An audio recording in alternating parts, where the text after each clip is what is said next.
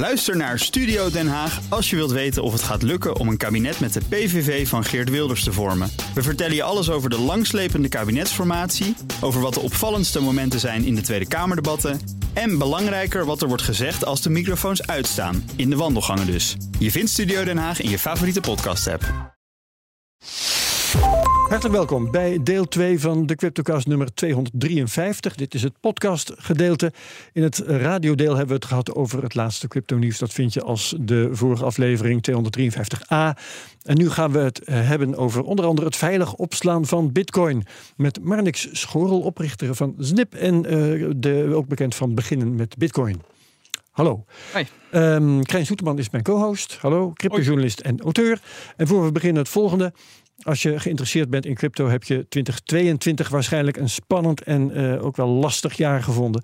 Mede, mede namens onze sponsor Bitonic wil ik iedereen een voorspoedig 2023 toewensen. Met meer stabiliteit, met mooie innovaties en met een groeiende acceptatie van crypto in het algemeen en Bitcoin in het bijzonder. Laten we er met z'n allen iets moois van maken.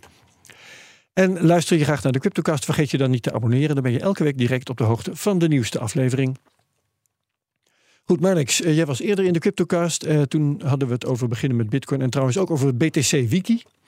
Kun je vertellen hoe het daarmee gaat op dit moment eigenlijk? Dat loopt rustig door, maar dat ja, het valt altijd een beetje samen met wat er gebeurt in de prijs. Uh, hoe druk het wordt op de wiki. Maar we hebben nog steeds wel uh, rond de 20 bezoekers per dag die uh, gewoon eens even komen kijken. Vooral naar Lightning zijn mensen op zoek op de wiki. Vroeger was dat vooral naar nieuwsartikelen. Ja, die zijn er nu wat minder. Ja. Maar het loopt gewoon rustig. Dus ik zal maar zeggen, het educatieve materiaal dat is op het ogenblik het meest in, in trek. Precies. En dat staat gewoon en dat, ja, dat blijft gewoon dat blijft actueel. Want ja, dat verandert niet al te veel. Ja, nee, gelukkig niet. Precies, nee, dat maakt het ook wel lekker duidelijk uh, van joh, uh, zo werkt het. En, uh, ja, en op een gegeven moment, als je zo'n kennisbank hebt staan, dan staat die er lekker. Dus nee, die loopt, die loopt rustig door. Fantastisch. En je hebt iets nieuws opgericht, dat heet Snip. Wat doe je daar? Ja, Snip, inderdaad. Z-N-I-P. Precies, met en, een Z. En waar komt die naam vandaan? Leg dat meteen ook maar uit. Nou ja, de Snip, dat was die vogel die op het 100 gulden biljet uh, stond. En daar hadden we wel uh, ja, ja. een warm gevoel bij. Een, ja, een Nederlands, ja, echt Nederlands gevoel, betrouwbaar. Dus ja, daar, daar komt dat vandaan inderdaad. En wat we doen, um, eigenlijk twee dingen. Dus um, we helpen met het opslaan, het veilig opslaan van bitcoin... en met het accepteren van bitcoin. Als je ondernemer bent, accepteren van bitcoin. Precies, ja. Ja, ja, ja. ja we zijn uh, met zes man, zes uh, echt ja, uh, bitcoiners van het eerste uur. Dus ja, we kwamen elkaar al heel veel tegen. En je komt sowieso in dit wereldje, kom je dezelfde mensen een hoop tegen. Dus ik, ik kende mm -hmm. deze mensen al. Nou ja, goed, je hebt... Uh, Satoshi Radio natuurlijk heb je uh, ja, de slachters en, en Bart uh, die je daar tegenkomt. Bart Mol. Ja, en we kwamen jullie tegen. ook weer bij wat meetups. En de Bitcoin Show die geeft ook nog meetups met Boris. Dus ja, dat komt dan bij elkaar. En ja, wat we merkten, we zijn gewoon heel veel advies aan het geven. We zitten op heel veel Telegram groepen om, om advies te geven aan allerlei mensen. En hoe werkt dit, hoe werkt dat? Maar goed, daar bereik je niet iedereen mee. En uh, ja, sommige mensen willen ook één op één advies. Dus dan ja, kan je beter toch maar uh, een eigen loket beginnen. Ja, uh, dus um, jullie richten je daarmee op klanten, op mensen die bezig zijn met crypto, um, hulp willen bij het veilig opslaan van, van crypto. Bitcoin gaat het jullie vooral om, hè, als ik me niet vergis? Ja, inderdaad, Bitcoin. Ja. Um, en die bereid zijn daarvoor te betalen. Ja, dat hoort er wel bij natuurlijk. Want ja, het is, voor een, ons is het ook gewoon een werk. bedrijf. Ja. Het ja. is gewoon werk. Dat is allemaal prima. Maar uh, ik zie dan de tarieven. Hè, dan, uh, uh, geholpen worden bij het opslaan van crypto. Nou ja, je moet al snel denken aan een paar honderd euro. Verder niks mis mee. Ik begrijp dat heel goed. Maar uh, dan moet het natuurlijk wel gaan om mensen die toch wel flink met crypto bezig zijn. Want pas als je in de vele duizenden uh, euro's bezig bent, dan loont het om een paar honderd apart te zetten voor hulp om dat op te slaan. Ja, of je moet het heel interessant vinden. Maar wat je zegt klopt wel, inderdaad.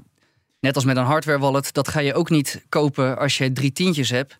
Want dan is, het, is de prijs van zo'n hardware nee. wallet is volledig... Zo'n ding kost ook al bijna 100 euro. Ja, dan ben je zo 100 euro verder. En dat, ja. datzelfde geldt voor dit advies. Ja, je moet inderdaad wel... Uh, ja, het, het, moet om wel wat geld het, gaan. Je moet het, het kunnen permitteren. Hoeveel ja. tijd kost het jou vroeger zeg maar, om mensen met hun, met hun computer te helpen, wij zijn spreken? Ik bedoel, als je erover na gaat denken, ja. is... Nou, nee, ik zeg ook niet dat het onredelijk is. Nee, nee, oké, okay, maar het is meer dat ik wel eens denk, ik, ik help wel eens mensen met dingen. Ik, ach, ik help je wel even. En dan ben je weer uren bezig. Vaak word ik prima Ja. gefeteerd door een kopje koffie, een stukje taart bij. Een printer aan de praat krijgen.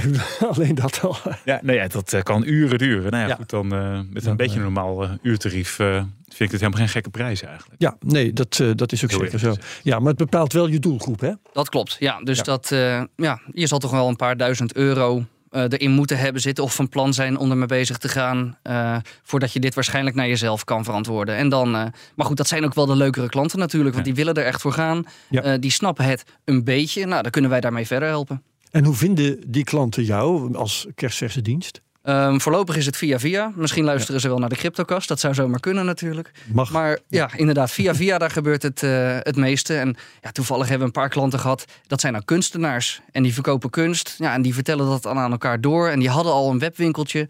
Nou ja, en als wij daar dan eh, de betaling op kunnen aansluiten, dat Zitten die dan in, in, in, in NFT's waar je natuurlijk niks mee te maken wil hebben? Eh, nee, Oké. dus dat kunnen we wel duidelijk zeggen van niet. Nee, gewoon echte kunst, echte, echte schilderijen. Ja, daar kan je een hele simpele webshop voor hebben natuurlijk. Ja. Ja, zet, eh, met WordPress kan je zo'n WooCommerce. Ja, open source is dat allemaal. Dat kan je opzetten. En dan kunnen wij dan die betalingen aan koppelen. En dan zorgen we echt dat dat jouw node wordt. Dus wij gaan niet, wij gaan die, die betalingen gaan wij niet verwerken wat dat betreft. Ja, Oké, want als je dan even teruggaat naar, zeg maar, naar het begin, zeg maar, hoe zo'n hoe zo'n webwinkel eruit ziet. Je zegt WooCommerce, dat is een bekend pakket voor, voor WordPress. Ehm, en dan gebruik je waarschijnlijk BTC Pay Server. Zeker. Dat is ja. een, eh, het wel de bekendste betaaloptie voor Bitcoin, denk ik, voor dat soort systemen. Hoe, zorg je dan, hoe geef je mensen een eigen node? Want wat ik zei net bij binnenkomst hier, nou, mijn eigen node ligt er weer uit in de Ja. kast hoor.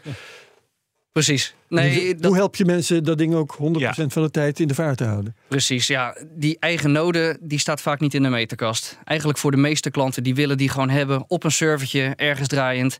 Vaak bij een Nederlandse partij, maar goed, dat kan ook bij een van Ah, zo, die grote de cloud. cloudpartijen. Ja. Ja. precies. Ja. Maar dat is wel hun server. Zij zijn de enige die daar eh, eh, logins voor krijgen. Wij verwijderen ook, nadat we het werk hebben gedaan, verwijderen we ook die keys weer, zeg maar. Dus ja, inderdaad. Het, het zijn de wallets van die mensen zelf. Ze kunnen hun eigen Lightning-node er ook zelf aan koppelen. Die kan, die kan nog steeds wel in de meterkast staan. Maar goed, als die dan uitvalt, dan kan je opeens geen Lightning meer accepteren. Dus ja, wij zeggen, als je dat dan 24-7 wil laten draaien, zorg dan ook dat dat dan maar in de cloud staat voor die, voor die betrouwbaarheid. Maar inderdaad, die, die service waar het op gaat, dat wordt van die mensen zelf. Die betalen ze zelf en dan hebben ze zelf de toegang. En is dit nou ook een gapend gat in de markt? In de zin dat jullie meteen het water tot aan de lippen staat eh, van, van toestromende klanten en opdrachten die je moet, eh, waar je op moet reageren? Nou, we zijn sowieso, ja, valt het ons super mee qua klanten. Dus ja, er zijn zeker wel klanten die in deze tijd, ook in deze tijd komen. En dat hadden we eigenlijk niet zo verwacht. Want we dachten inderdaad dat het heel erg rustig zou zijn. Want eh, ja, het is toch die, die bearmarkt waar het over gaat. Nou, de klanten die we krijgen, de meeste die weten wel iets van Bitcoin. En dat is ook ja, waar we het net in de, in de prijsanalyse over hadden in, de, in het podcast of in het radiogedeelte. In zo'n rustige markt, in zo'n bearmarkt, daar wordt ook wel gebouwd, zeg maar. Ja. Dus de mensen die het vertrouwen hebben en houden, die ja, net als wij denken, dit komt allemaal weer goed, die willen nu gewoon nog steeds doorbouwen. Nou, Ik hoor aan de andere kant, zeg maar, qua mensen die dit meer als investering zien, ook alweer dat die weer terugkomen. Dat die weer zeggen, moet ik niet binnenkort weer eens eh, iets met die bitcoin van jou? Nou, Dat, mij eh, dus, maar goed. Bitcoin van jou, ja. In de, in de omgeving, ja, die komen dan toch bij je terug. Inderdaad, Ja. dat, eh, ja, dat horen, horen wij ook. Maar goed, investeringsadvies, dat doen we zeker niet. Dat, eh, nee, ja, ik ook dat niet. is zeker voor, voor financiële experts om te geven. En dan kom je ook Ja. in een heel andere regelgeving eh, terecht. Dus wij doen eh, vooral het technische gedeelte. Nou, eh, een van de dingen die je, die je doet is mensen helpen de bitcoin zelf op te slaan. Ehm, vind je dat ook inderdaad beter dan het neerzetten bij een custodial dienst? Bij een, eh, eh, ik zal maar zeggen, een bedrijf dat een beetje lijkt op een bank? Ja, dat vind ik zeker beter. Want het is echt de enige manier om zeker te weten dat jouw bitcoin van jou zijn. Als je dat bij een bank neerzet, dan blijft dat een getalletje. En dan, ja, dan heb jij een deel van de grote pot van bitcoin. Dus ja, wij zijn zeker geen fan van, eh, van die custodials wat dat betreft. Of het laten staan bij je exchange. Ook groot fan zijn wij van de, eh, ja, van vandaag, de, de Proof of Keys Day, zeg maar. zorg inderdaad, zorg dat je dat zelf hebt. Weet wel wat je doet, maar zorg Ja. wel dat je dat in eigen beheer hebt. Voor alle zekerheid, mensen die deze eh, podcast 253b eh, horen en de voorafgaande radio-uitzending hebben gemist. Het is Proof of Keys Day. Vandaag 3 januari nemen we dit op. En Proof of Keys, Days houdt, Proof of Keys Day houdt in dat je al je coins van eh, exchanges even terugvraagt voor een dag en daarna weer daar neerzet. Als je dat nodig vindt. Als je dat nodig vindt. Om in elk geval ervoor te zorgen dat ze de coins die jij hebt ook werkelijk in voorraad hebt. Ja, Hebben. een stukje bewijs inderdaad. Dus het is al een soort light manier om te zorgen dat je ja, dat, dat beheer kan controleren. Maar goed, ja, wat ik zeg, de enige manier is toch echt wel het zelf hebben. Ehm, ja. eigen Ehm, ja. Ik praat over dit soort dingen ook graag in termen van risico. En is mijn persoonlijke mening dat eh, custodial diensten, hè, dus een ander bedrijf beheert jouw coins voor jou, dat, die, die kennen risico's. Daar weten we intussen van alles van. Hè, want veel mensen hebben, kunnen hun geld op dit moment niet terugvragen van de custodial dienst die ze eh, hadden, eh, waar ze zich bij hadden aangesloten. Maar het zelf in eigen beheer hebben, dat introduceert ook risico's. Want je moet namelijk allerlei eh, pincodes en, eh, en eh, rijen woorden, die moet je zelf gaan beheren. Kun je kwijtraken. En als je dat doet, dan ben je je coins ook kwijt. Dus Ja, het is het ene risico of het andere. Er is, er is geen helpdesk die je even kan bellen. Zoals als je je wachtwoord van je, van je internetbankieren verliest. Ja, dan eh, ga je even met je paspoort ergens langs. En dan krijg je maar toch zeg jij in eigen beheer houden is. be- Ik zeg het, het heeft allebei zijn eigen risico's. Jij zegt het is toch beter om het zelf te hebben. Ja, zeker. Ja, inmiddels eh, hoeveel jaar zijn we al bezig en hoeveel hebben we al mis zien gaan, zeg maar. Ja. en maar zeker hoeveel toen hebben we ook goed zien gaan? 13 jaar zijn we bezig. Ja, er zijn ook een hoop bedrijven waar het, waar het goed gaat. Maar goed, Daar ja. hoor je weer niks over. nee, dat, eh, dat blijft natuurlijk de andere kant moeilijk eh, allemaal gaan noemen. van het verhaal. Maar goed, als we het dan... Ja, we hadden het inderdaad in deel 1 over FTX. En waarvan alles misgaat. En waar mensen weer hun toegang verliezen. Ja, en als dat dan in de, ja, op de radio komt. En ja, ik hoor eh, jou Herbert erover praten in de Cryptocast. Dan kan ik toch wel even rustig achteruit gaan zitten. Want ik ben daar niet aan, betro- eh, ja, aan verbonden. Ehm, ik heb mijn keys zelf. En ja, we, we zagen ook die verbondenheid van al die bedrijven. En wat er dan allemaal omvalt en wat er mis kan gaan. Ja. Nou, en daar heb ik dan allemaal geen last van. Dus dat is wel lekker rustig. Maar wat je zegt klopt wel. Er zijn wel meer. Nou, niet meer. Er zijn andere risico's inderdaad met, die, eh, met dat zelfbeheer. Je hebt, je hebt mensen die gaan hun eigen eh, dingen proberen. Dus dan hebben ze twaalf woorden gekregen. En dan knippen ze die door tweeën. En dan leggen ze de ene helft daar en de andere helft daar. Ja. Niet zo'n handig idee. Want ja, als de helft van die woorden kwijt is, dan is het Je verdubbelt het weg. risico. Nou, ja, precies Ja, dat ja, ja. eigenlijk. Ja, wat- het niet hoe- volgen van instructies is ook Hoe denk je dan. Ja. bijvoorbeeld, hè, je hebt zo'n lijst met twaalf woorden. Ik denk dan van ja, eh moet misschien eh, twee exemplaren hebben van eh, die lijst met twaalf woorden. Want als er dan eentje in de fik vliegt, dan heb ik er nog eentje over. Maar je verdubbelt ook het risico dat iemand anders eh, ze onder ogen krijgt. Precies. Dus nee, dus moet, daar is, dat is iets moet waar je we doen? over moeten, moeten nadenken. Je Ja. kunt een Ja. extra woord toevoegen aan de seed die je misschien wel in je, in je hoe heet dat ding ook weer, eh password zet. manager zet. Ja, nee, dat is. Maar dan los van je seed. Nou, en hier komen we natuurlijk in het deel waar we erachter gaan komen. Het is heel persoonlijk, Ja. zeg maar, van hoe Ja. wil je dit nou gaan doen? Want er zijn meer opties. We hebben het alleen gehad over ja, een, een, een wallet op je computer. Wat die, wat die ontwikkelaar had gedaan waar ze uit verdwenen zijn. We hebben het over hardware wallets waardoor een gedaan. hacker toegang kan hebben. Precies. Ja. We hebben het Ja. over hardware wallets gehad, maar er zijn meer opties. Je hebt Multisig. multisigs, je hebt eh, inderdaad, uh, Krijn, wat je zegt, eh, dat je een, een, een, een, een woord toevoegt Heet aan vaak je seed. passphrase in ja, de... een passphrase erachteraan. En als je dat doet, dan krijg je echt een soort tweede kluisje erbij. Een tweede virtuele kluisje wat je niet ziet. Ja, als je als alleen iemand jouw maar 12 jouw woorden seed vindt, dan kan hij die in Ja. gaan voeren. En dan ziet hij, oh, er staat eh, 0,0001 bitcoin. Dat is niet zoveel. Maar die, daar- hij kan nooit bij het gedeelte wat achter die Precies. passphrase zit. Hij vindt iets, want inderdaad, ehm, jouw wallet zonder die passphrase, dus echt alleen die 12 woorden, dat is ook een wallet. Daar kunnen bitcoin naartoe. En als je slim bent, dan zet je daar ook een klein beetje bitcoin op, zodat als die gevonden wordt, dan denken ze, nou, dan was dat het. Ja, jammer. Precies. Maar dan zet je er een passphrase bij. Dat is wat je kan doen. En dan kan je daar een groter eh, gedeelte op zetten. Nou, dat is iets wat voor, Ja, ja, voor normale gebruikers best wel een goed idee is. En dan hangt het van het scenario af wat echt handig is. Als je nou een BN'er bent of mensen weten dat je bitcoin hebt... misschien wil je dan naar multisigs kijken. Dat is een andere optie. Ja. Hey, nog even terug, want ik, we hadden ook een vraag via Twitter daarover. Van eh, iemand die heeft het over zijn Trezor. Die zegt, Trezor slaat je bitcoin op verschillende adressen Ook op. een hardware wallet. Terwijl, ja, op je hardware wallet, terwijl je het allemaal naar één adres stuurt. En dan denk ik dat hij of zij bedoelt de seed, die ooit ingevoerd is. Hoe, hoe werkt dat? Kun je dat zo heel kort uitleggen? Nou, ik hoor volgens mij wel wat verwarring Ja, nee, dat over het, eh, eh, wat die wallet nou precies doet. Want je hebt inderdaad die seeds, die blijven hetzelfde. En ja, dat is echt, ja, die geven toegang tot al jouw bitcoin. En als je die seed ook zou, eh, zou herstellen in, eh, wat zei de twitteraar, een andere treasure? Nee, dat, daar heeft het niet eens over, maar dat is mijn, dat is mijn eh, oh, precies. zeg maar. Ja, nee, maar goed, als je die zou herstellen in een andere wallet, dan krijg je ook toegang. Ja. Ehm, de seed, die geven jou adressen. En ja, op die adressen ontvang je bitcoin. Dus het is, het is een beetje alsof jouw rekening, jouw, jouw, eh, jouw, jouw bankrekening, alsof die meerdere rekeningnummers heeft ja, waar je naartoe kan Ja. sturen. Ja. Nou ja ik, ja, ik weet niet of ik de vraag precies Ja, begrijp. het- maar het is goed, ik snap, het is, eh, ik- snap op zich wel het gevoel dat je, als ik naar adres X iets toestuur, eh, om, dan heb ik altijd die basis seed nodig om bij adres X iets te kunnen doen weer. Dus Juist, ja. het voelt een beetje alsof dat die basis seed eh, de basis is van alle adressen eigenlijk. Klopt, ja. Ja, nee, die adressen zijn inderdaad afgeleiden van die seed. Inderdaad. Dus als je die seed terugbrengt, dan kan je ook al die adressen van ooit, die kan je allemaal weer eh, terugkrijgen. Ja, dat is een HD-wallet noemen ze dat dan. Hierar- Hierarchical Deterministic Wallet. Een nieuwe truc, zeg maar, om van die ene seed heel veel adressen af te leiden. Een stuk beter dan vroeger, waar er in één keer 100 adressen werden gegenereerd. En dan moest je die allemaal backuppen per keer. Nou, Ja. nu heb je gewoon één seed. En dat is een stuk, eh, stuk makkelijker. Dus trouwens, voor de mensen die daarvoor geïnteresseerd zijn, gaan we niet allemaal uitleggen hier, want dat is veel te gecompliceerd. Maar dat is, als je daar even induikt, het is wel heel erg tof eigenlijk hoe dat werkt. Ja, het helpt om een klein stukje achtergrond te hebben van cryptografie en IT inderdaad. Maar het is, het is op, Ja. zich, eh, op zich heel interessant. Ja, Wat wel goed is om eventjes bij de kop te nemen. Jij noemde het net in het voorbijgaan multisig eh, wallets. Leg even uit hoe die ongeveer werken. een normale wallet, die heeft die 12 woorden inderdaad. En dat is dan een single sig wallet. Een enkele signature. Ja, een multisig staat voor multisignature, meerdere, meerdere handtekeningen. En de vraag is dus, hoeveel handtekeningen heb je nodig om bitcoin uit te kunnen geven?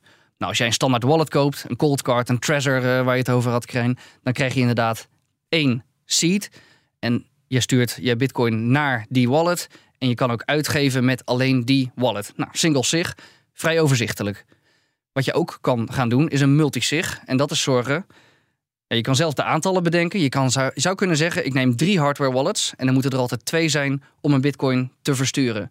Nou, dan kan je heel slimme dingen gaan doen. Dan laat je één wallet thuis liggen. Misschien leg je er één bij de notaris neer. Misschien leg je er één bij je ouders in de kluis. En als je er dan twee hebt, dan kan je bitcoin uitgeven. Een derde partij kan trouwens ook eh, die derde wallet beheren. Daar heb je ook clubs voor die dat voor je regelen. Nou, en Dat dat is een van multisig. meeste stemmen gelden. Hè?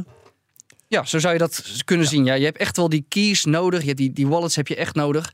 Nou, en als je bijvoorbeeld een, een BN'er bent of iemand ehm, waarvan bekend is dat die bitcoin heeft, misschien wil je dan ook wel zorgen dat jij niet alleen maar een single sig bij jou thuis hebt liggen, maar dat jij een multisig hebt, waardoor je echt fysiek, nou ja, eh 50 kilometer moet rijden om eh, het tweede stukje. eh, Maar stel, de tweede er, er is een probleem en jij wilt toch met die ene signature dat uit, uitgeven. Kan dat ook? Nee. Niet. Nee, dat is echt hard onmogelijk, zeg maar. Nou, er zijn wel technisch gezien allerlei spending conditions te verzinnen, waardoor je een als soort ik nu time-out hebt en dat die dan... zoveel, ja. Ja. zoveel jaar moet wachten voordat het dan uiteindelijk vrijgegeven wordt of die notaris nooit iets doet. dat kan. Ja, dat is technisch gezien wel mogelijk, maar dat maakt het allemaal wel een stuk, we het ingewikkeld. eenvoudig, of een stuk, stuk lastiger worden. Ja, daarvan. precies. En Ja. wat het eh, relatief eenvoudig maakt, dat is dat je, dat je niet alle drie die partijen nodig hebt, maar je hebt er twee nodig. Precies. En daarmee kun je dus één overrulen. Als ik, als ik zeg dat dit Ja. vooral logisch klinkt voor of opslag voor hele grote bedragen voor personen, of eigenlijk voor bedrijfsomgevingen waarbij gewoon meerdere mensen moeten tekenen, zoals eigenlijk ook wel vrij gebruikelijk is in heel veel bedrijven.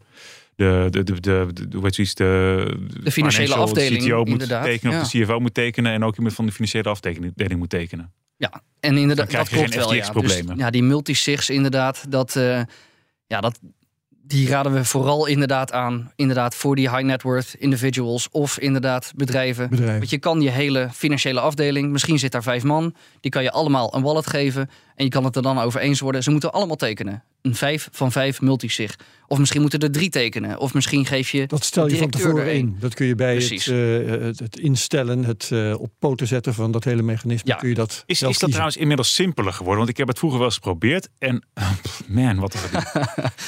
Ja, Het daar is- heb je het weer. Hè? De afweging Ja, veiligheid maar ik, zeg- en maar ik zeg het is lang bruikbaarheid. geleden, dus daarom vraag ik Ja. ook van is het nu simpeler Er zijn sowieso mooiere wallets voor. Dus dat, het, het is Ja, mooier, qua- daar, ga, qua- daar geef ik niet. Qua user interface, nou, het helpt wel als je niet iets op de command line hoeft in te tikken, maar gewoon een schermpje krijgt met eh, een aantal poppetjes wat je ziet staan eh, en een aantal groen van joh, die hebben getekend. Dat helpt wel als het een Mm, stukje makkelijker wordt. Ehm, heel makkelijk is het nog steeds niet. Dus Ja. inderdaad, als je hierover gaat nadenken en zeker als bedrijf ook, ja, dan moet je dit gewoon heel goed documenteren. Want je moet heel duidelijk weten welke stappen moet je nou volgen om die bitcoin te gaan versturen. Nou ja, en dat is prima te doen. Daar moet je gewoon van tevoren over nadenken. En dan, ja, dan kom je daar zeker uit. Maar ja, zorg wel dat je dat gewoon netjes hebt staan. Want Ja. een foutje is zo gemaakt. Dit eh, gaat nog steeds over het zelfbeheren van, eh, van je bitcoin, hè, van je crypto. Mhm. Ehm, anders dan het in de bewaring geven bij een, een derde partij, een custodial partij. Ehm, zelfbeheren van bitcoin, wat zijn daar nou de grootste gevaren van? Want die zijn er toch ook. Nou goed, zoals we inderdaad Risico's zeggen, weg is wel weg. Ja. Inderdaad. Dus ehm, je moet het goed doen. En als je het niet goed doet, dan is het weg. Ja, dat, lijkt me best wel gevaar. Het is dreigend. Ja, Ja, ja, nee, precies. Dus zorg nou inderdaad wel dat je weet waar je het over hebt. En dat je je Ja. backups goed geregeld hebt.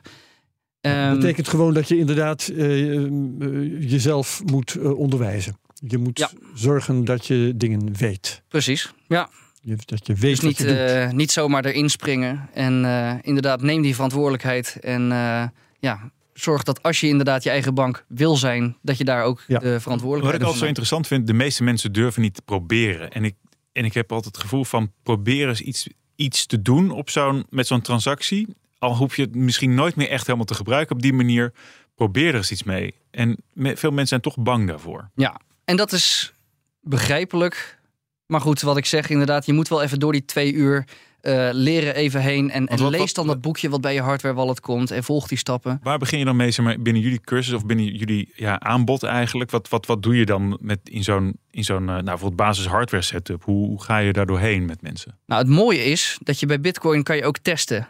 Dus je hebt een testnet met Bitcoin en dan krijg je test eh, TBTC, testnet Bitcoin. Ja, daar hebben we een, een bergje van liggen. Die dingen die zijn waardeloos, maar daarmee kan je wel transacties doen. En je kan eens even aanvoelen hoe dat nou zit met je hardware wallet. En je kan die. ehm, Dus je laat je mensen gewoon hun hardware sturen. resetten, kapot maken, al dat soort dingen. Nou, niet fysiek kapot maken, maar gewoon echt fouten mee maken met test Bitcoin. Nou, dat lijkt me inderdaad. Ja, dat, is, dat werkt voor ons het beste. Ja, zie het, probeer het. Maak dat foutje. Herstel ook eens een wallet. En doe het dan niet meteen als er eh, echte bitcoin en echt geld op staat. Maar doe het nou eerst even met die testmuntjes. nou, en dan mag het ook misgaan. En ja, goed, als je de instructies volgt, dan, eh, dan komt het eigenlijk altijd goed. Ehm, nou eh, heb je eh, exchanges ehm, en, en eh, andere partijen die als custodian jouw eh, bitcoin kunnen beheren. Ehm, is het een... Ik, ik, ik raad zelf wel eens mensen aan, als je dan wat, wat meer crypto hebt, om het eh, te verspreiden. Deel in eigen beheer en een deel bij de derde partijen. Keur jij dat af? Of zeg je, dat is ook een best wel een behoorlijk eh, verstandige manier van doen? Ja, deels snap ik het, maar ik vind het ook lastig. Want stel nou dat je het in vier kwartjes opdeelt. Nou, als je een kwart kwijtraakt, dat is ook nog wel een probleem. En van vier bedrijven is het ook wel lastig bij te houden. Eh, hoe dat nou met die bedrijven precies eh, zit. Ja. Dus ehm, als je het echt in zelfbeheer hebt, dan is dat ook zelf controleerbaar. Ehm, ja, daar zou ik toch, toch eerder voor kiezen, zeg maar. Ik, ik eh, ben geen Ja. fan van, van verspreiden wat dat betreft. En er zit natuurlijk wel een verschil tussen, ja, tussen partijen die je daarmee kunnen helpen. Dus je zou het gewoon bij een exchange kunnen laten staan. Mhm. Maar goed, hun, hun hoofd. Zij verdienen hun brood met handelen. Dus daar zijn zij op gefocust. Je hebt ook ander soort partijen, dat zijn meer die custodians. En die helpen jou in een multisig. Dus waar we het over hadden, die, die drie wallets die je kan hebben, daar kun je er ook eentje van aan zo'n custodial partij geven. Nou, die zijn echt daarvoor bedoeld. Aha. En als je die hardware wallet aan hun weggeeft, of die, die keys, zeg maar, technisch gezien, zij hebben geen controle over jouw bitcoin. Dus dat kan Omdat wel. ze maar één van de partijen zijn Precies. in het geheel van Ja, en je moet er die, altijd eh, zelf bij multisig zijn. En, Ja. en als ik nou wil zoeken op Google naar een custodial partij, wat, wat zoek ik dan? Want een, een exchange kennen we wel, maar de... Nee, precies. Nou, je hebt er een aantal. Je hebt Casa bijvoorbeeld. Je hebt Unchained Capital. Nou, dat zijn twee namen die dit doen. Dus die inderdaad jou meehelpen met een deel van je multisig zijn. Ja. Dus je geeft hun niet jouw volledige controle over jouw bitcoin. Want ze hebben maar één key en je hebt er twee nodig. Of, nou ja, goed, dat kan je dus zelf Ja, en bijvoorbeeld inregelen. dan kun je inregelen, bijvoorbeeld als jij na zes maanden niet reageert of zo, dat het dan Of weet ik wat allemaal. Dat soort... Ja, nou, dat soort zaken kan je over gaan nadenken. Ja, want dat doen jullie ook inderdaad, zeg maar, van, eh, van nalatenschap. Eh, dat soort zaken is ook wel een dingetje. Ja. Ja, zeker. Nou ja, als ik dat voorbeeld inderdaad heb van joh, je, je hebt één hardware wallet thuis. Misschien leg je er eentje bij, eh, eh, bij eh, een partner of bij een notaris en eentje bij, bij Casa. Nou, dan kun je daar afspraken inderdaad over maken. Van joh, ja, die ene hardware wallet thuis, daar kunnen we niet meer bij. Maar die andere twee, die kunnen samen nog steeds een transactie tekenen. Nou, dat soort, ja, dat soort constructies kan je dan gaan, eh, gaan verzinnen. Ja, en als ik, jij noemt nalatenschap, Krijn, eh, dan denk ik dus ook dat je in een testament of iets dergelijks moet gaan zitten, of zo'n soort document, hoe je dat hebt georganiseerd. Want op een of andere manier zullen je nabestaanden daar toch achter moeten komen. Wat ze, Zeer moeten zeker. gaan, wat ze tevoorschijn moeten halen en bij wie. Zeer zeker. Ja, nee, dat, dat, ja, dat, dat beginnetje, dat moet wel ergens duidelijk zijn inderdaad van waar er gezocht moet, eh, moet gaan worden. Ja. Ja, of een brief in de linnenkast, maar eh, in elk geval. Dus daar inderdaad een stukje, past. een stukje documentatie, dat eh, is ook daar ja, nodig. Eh, zijn er nog dingen die aan Bitcoin veranderd zouden kunnen worden om dit soort zaken makkelijker te maken? Ehm, Of is dat niet de bedoeling? nou, ik denk dat de, de, de basistools, die zijn er wel. Dus echt als je het hebt over bitcoin, dus wat er op het protocol gebeurt in de blockchain, dan is het vrij duidelijk wat daar kan. Ja, die multi-signatures, dat zit daar ingebakken. Ehm, je kan met Taproot kan je allerlei spending conditions maken. Dus je kan allerlei slimme contracten maken. Inderdaad, krijgen wat je zei met zo'n timeout, dat het later weer eh, beschikbaar komt. Dat is er wel. Dus ik denk op bitcoin, op die basislaag, dat is solide, dat staat. Laten we daar vooral ook weinig aan gaan veranderen. Waar, wel, eh, waar het wel beter kan, denk ik, is in die wallets. Dus inderdaad dat stukje helpen, een stukje user experience, zoals dat dan heet. Dus inderdaad, hoe gebruik je jouw wallet? Ehm, en is het, is het bruikbaar en is het gedocumenteerd genoeg? Ja, een stukje ja, wat vriendelijkere apps. Ja, ik denk dat daar... Ik wou zeggen, dat is vooral dus inderdaad de eh, ontwikkelaars van de apps die zich hiermee bezig Ja. moeten houden. echt de gebruikservaring beter maken. En dan, eh, dan denk ik ook dat meer mensen dit, dit gaan doen en durven. En dat wij ook minder nodig gaan zijn eh, als bedrijf. En, en eh, nu we hier zo over praten, hebben we het meest toch particulieren in ons achterhoofd. Maar hoe zit het eh, bij bedrijven? Is, zijn er voldoende goede oplossingen voor bedrijven? Ehm, nou, er zijn sowieso commerciële oplossingen inderdaad om echte eh, storage te regelen. Ja, Fireblocks bijvoorbeeld is een van die, van die leveranciers die echt ja, van die hardware modules levert om dit allemaal op te slaan. Maar in de basis is het natuurlijk niet heel veel anders. Je kan een particulier hebben die al heel lang bitcoin heeft. Nou, misschien heb je er wel tien. Nou, ja, dat, als bedrijf heb je dat ook niet zomaar bij elkaar, zeg maar. Dus ja, uiteindelijk, het gaat om bedragen. Wij zeggen wel, als je nou gaat nadenken over het opslaan van je bitcoin, doe dan de huidige waarde keer 10. Dus zorg dat jouw beveiliging, dat, die, dat je ook nog steeds comfortabel zou zijn Als het tien keer zoveel als waard het tien keer zoveel waard is. Ja. Want dat zou zomaar kunnen. dat zou zomaar kunnen. Ja, zonder al te veel eh, in de toekomst te Nee, kijken en eh, voorspellingen te doen. Maar voor je eigen veiligheid, als je gewoon weet, als ik er, mij er comfortabel bij voel met een tien keer de waarde, nou, dan, dan, Ja. dan sta je er goed voor. Inderdaad. En doe jij dat, Krijn? Ik, ik hoop het. ja, dat is, het blijft altijd spannend natuurlijk. Ehm, privacy is, is een, eh, een, een ding als het eh, om, eh, om bitcoin in het, al- in het bijzonder of crypto in het algemeen gaat. Ehm, help jij mensen ook bij het bevorderen van hun privacy? Ja. En Ja, op wat voor inderdaad. manier Nou, doe je dat? als je, als je een wallet hebt, bijvoorbeeld, dan kan je op twee manieren kan je daarmee omgaan. Je zou kunnen zeggen: ik gebruik de standaard software van de leverancier. En vaak betekent dat ook dat de transactieinformatie dat die opgehaald wordt bij de leverancier. Bijvoorbeeld bij, eh, bij, bij Ledger Wallets, standaard, daar krijg je Ledger Live bij als applicatie. En standaard haalt hij de transactiedata haalt op bij Ledger. Nou, als ik een bitcoin heb ontvangen en vanaf mijn thuisadres wordt er een verzoek gestuurd aan de Ledger server van hoe staat het met dit adres? Nou, zal ik er dan geïnteresseerd in naar zijn? zijn aan, Precies, ja, nee, dat, aan- ja. Dat betekent dus dat ik daar geïnteresseerd in ben. Dus dat is een stukje privacy waar je met wallets over kan nadenken, want die kan je ook koppelen aan een eigen node. En dan heb je geen derde partij meer nodig om te vragen hoe het zit met je transacties. Dus daar helpen we inderdaad mee als het over privacy gaat. Het echt het opzetten van eigen nodes. Ehm, een stukje coinselectie kan je ook over nadenken. Dus ehm, nou, dat doen steeds meer wallets doen dat goed. Dat Je bedoelt coins die misschien eh, beter eh, voor je privacy zorgen dan Bitcoin of dan. Nee, het gaat allemaal om Bitcoin. Maar het, het, eh, Bitcoin werkt met een UTXO-model. En dat betekent dat er verschillende stukjes Bitcoin. nou goed, iedere keer dat als je Bitcoin ontvangt, dan is dat een apart stukje. En jouw wallet die laat jou wel totaal zien. Dat is gewoon het, het totaalbedrag van al die stukjes. Ja. Maar misschien heb je één stukje heb je gekocht bij een bepaalde exchange. Nou, daar zit jouw, eh, jouw gegevens zitten daaraan vast. Misschien wil je dat stukje niet uitgeven als je ehm, ja, iets. eh, oh, je, je bedoelt schimmers met wil Als ik iets die heb overgemaakt Ja. van, ehm, nou, zeggen ze BTCE of zo. Ja, Ja. Hij bedoelt Nou dus ja, ook serieus. het is Als dus je, goed. ik, ik geef dat stukje bitcoin geef ik hier uit en niet dat andere stukje bitcoin dat ernaast ligt. precies. Ja, dus als jij een fatsoenlijke wallet hebt. ehm, nou, tegenwoordig Bitcoin Core doet het ook al. eh, de, de, de hoofd- of de standaard wallet, zeg maar. Wasabi doet het uit mijn hoofd.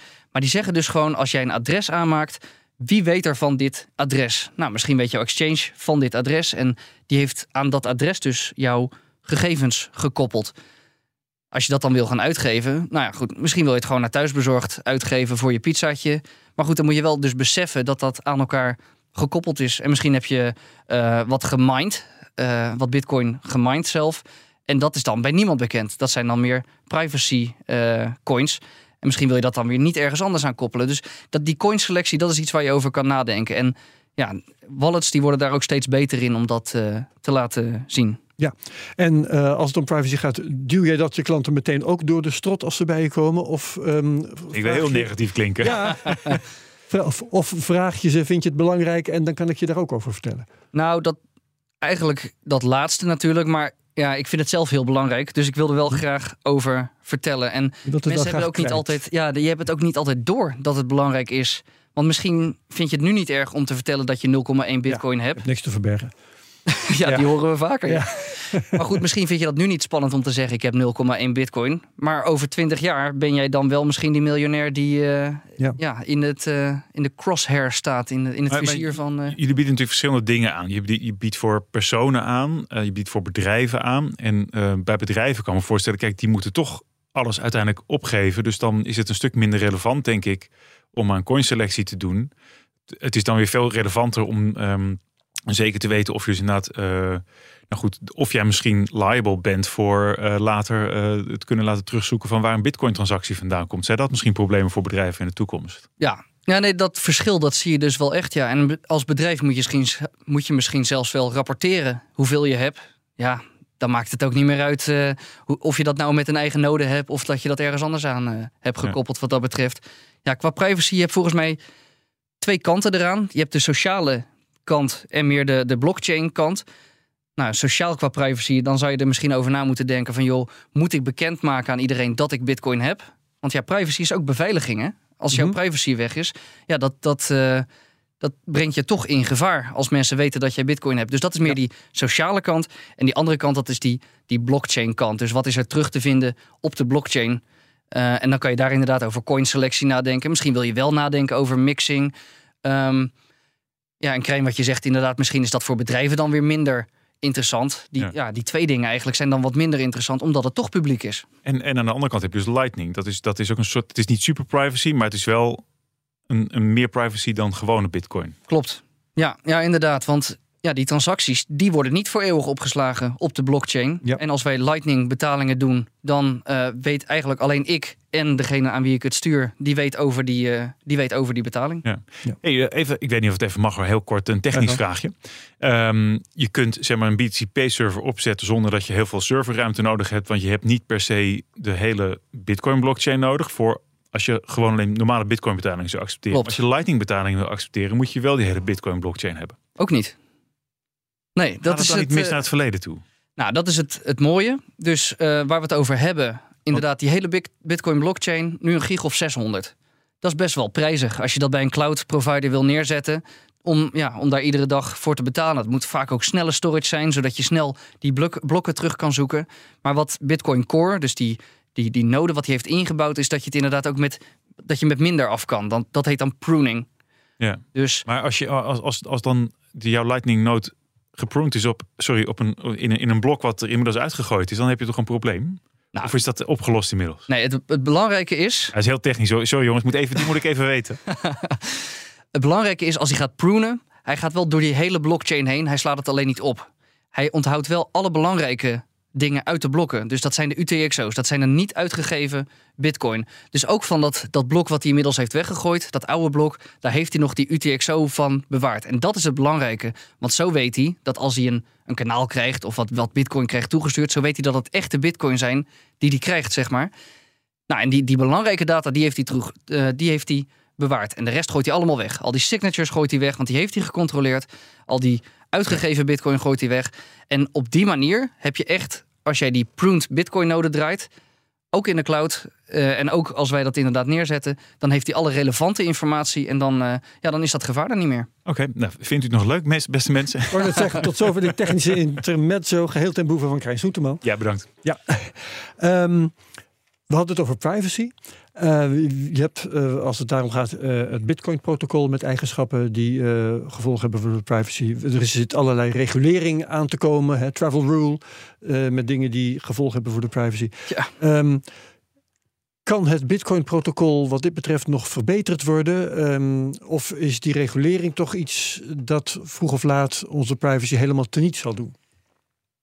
Ja, dat is een beetje de glazen bol kijken hè, van hoe Ja. dat zal gaan inderdaad. Ja, technisch gezien kan er natuurlijk wel dingen veranderd worden. Het, het lastige is alleen... Lightning is al. eh, Lightning is een verbetering al, is een inderdaad. verbetering. En misschien als we met z'n allen meer gaan mixen, als dat standaard wordt in je wallet, dat je inderdaad standaard eh, coins gaat mixen, dat lijkt mij ook wel wat. Daar heb je geen, no- eh, geen aanpassing voor nodig aan de Bitcoin Ja, basislaag. Maar in het radiodeel had je al gezegd, ja, je, je vestigt wel de aandacht op je. Hè? je- het is een vorm van verdacht gedrag. Mixen, Ehm, ja, Ja, precies. Dus eh, als je dat standaard inbouwt, ja, oké, als je het standaard inbouwt, doet iedereen dat is het weer. hè. Ja, dan is dat kip-ei-probleem hebben we dan opgelost. Ja, ja, ja, ja. Ja, en ehm, ja, het, het blijft, een, het blijft een, een afweging die je moet maken. Ja. Ja. hoe, hoe private wil je daarmee eh, mee omgaan? Lastig is natuurlijk ook, dit heeft allemaal te maken met eh, hoe de samenleving naar bepaalde dingen kijkt. En op dit moment is in ieder geval het bestuurlijk gedeelte van de samenleving kijkt op een heel, in mijn ogen, heel negatieve manier naar überhaupt het volk. Eh, alles wat we doen is blijkbaar fout, dus alles moet gecontroleerd worden. En ik, misschien chargeer ik nu een klein beetje. En ik begrijp ook dat het vaak, en dat heeft Simon Lelyveld ook al duizend keer uitgelegd, dat het uiteindelijk vanuit goede intenties komt, maar die beginnen inmiddels wel steeds lastiger te worden. En die travel rule geldt niet alleen voor Bitcoin, maar geloof ik voor alles van waarde. Ja, dat is Ja. best wel zorgelijk. Ja, precies. Dus, Dus dat als een- inderdaad het een heel besef andere weer bij mensen komt, inderdaad, van joh, eigenlijk financiële privacy is heel belangrijk. En die verhalen die komen er ook steeds meer. Hè?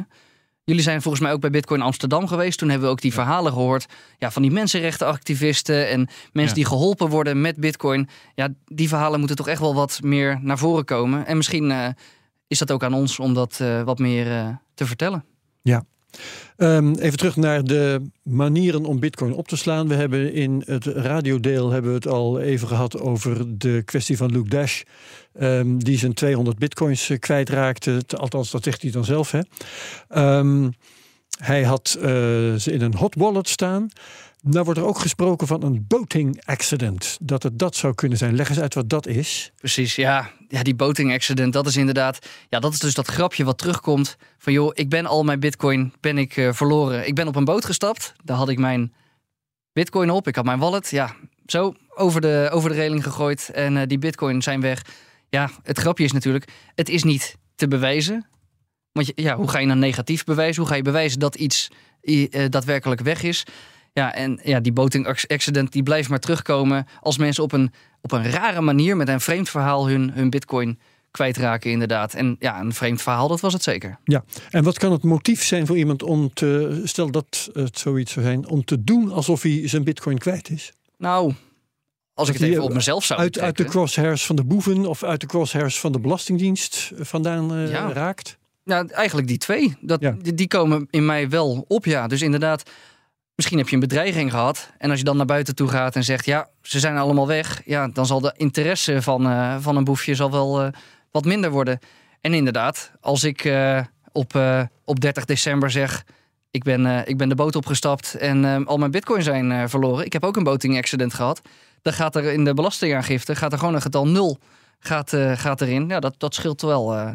Wat betalen natuurlijk. Dus dat, dat zouden Ja. zomaar motieven kunnen zijn. Ja, werkt dat in Amerika net iets anders met, met vermogens en belastingen en transacties. Maar ja, dat, dat zou een reden kunnen zijn om zo'n verhaal op te hangen. En ehm, stel dat het waar is wat, eh, wat deze Bitcoin developer vertelt. Hij had het in een hot wallet en eh, er is iets misgegaan. Eh, hackers hebben toegang gekregen tot zijn, tot zijn computer.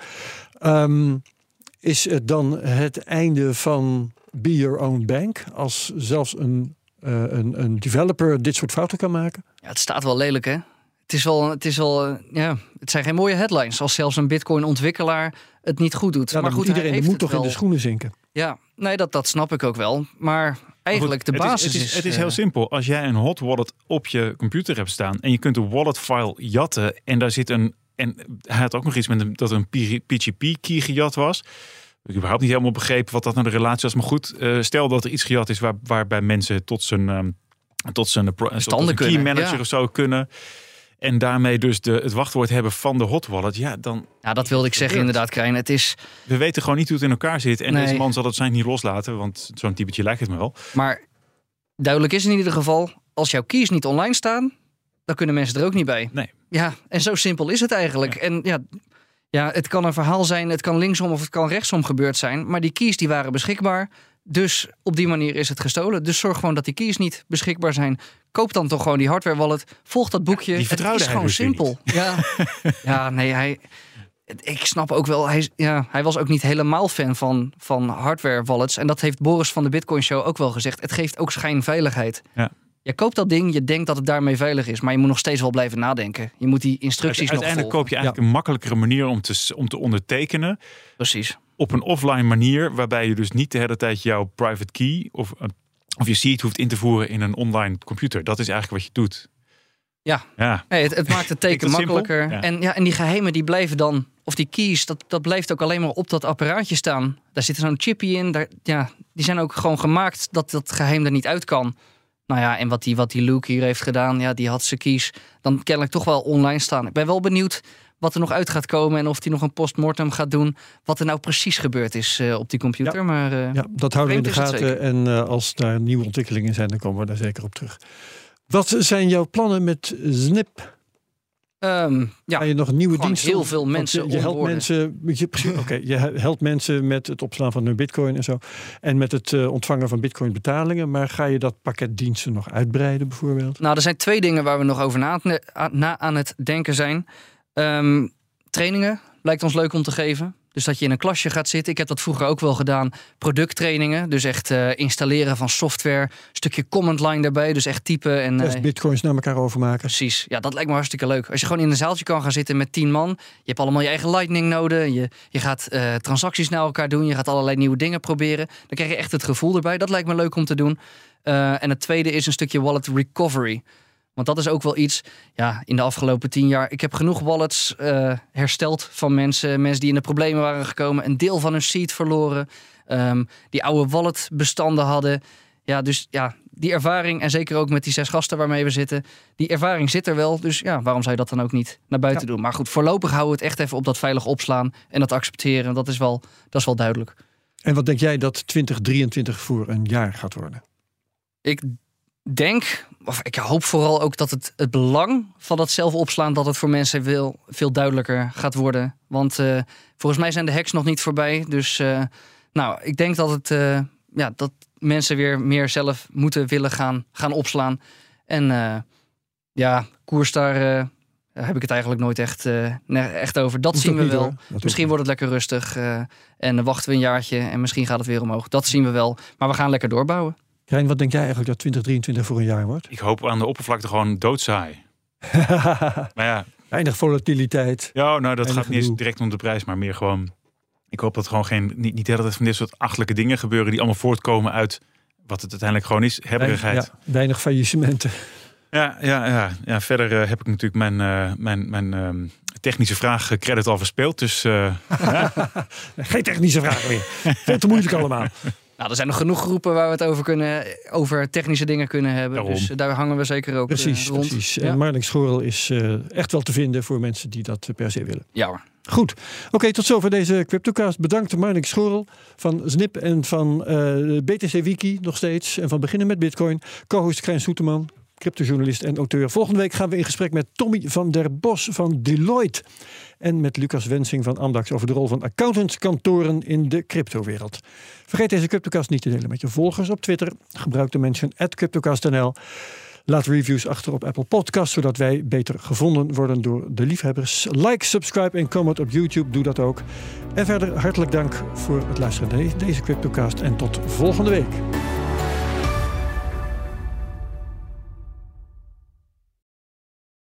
Ook Bas van Werven vind je in de BNR-app. Ja, je kunt live naar mij en Iwan luisteren tijdens de ochtendspits. Je krijgt een melding van Breaking News. En niet alleen onze podcast Ochtendnieuws, maar alle BNR-podcasts vind je in de app. Download nu de gratis BNR-app en blijf scherp.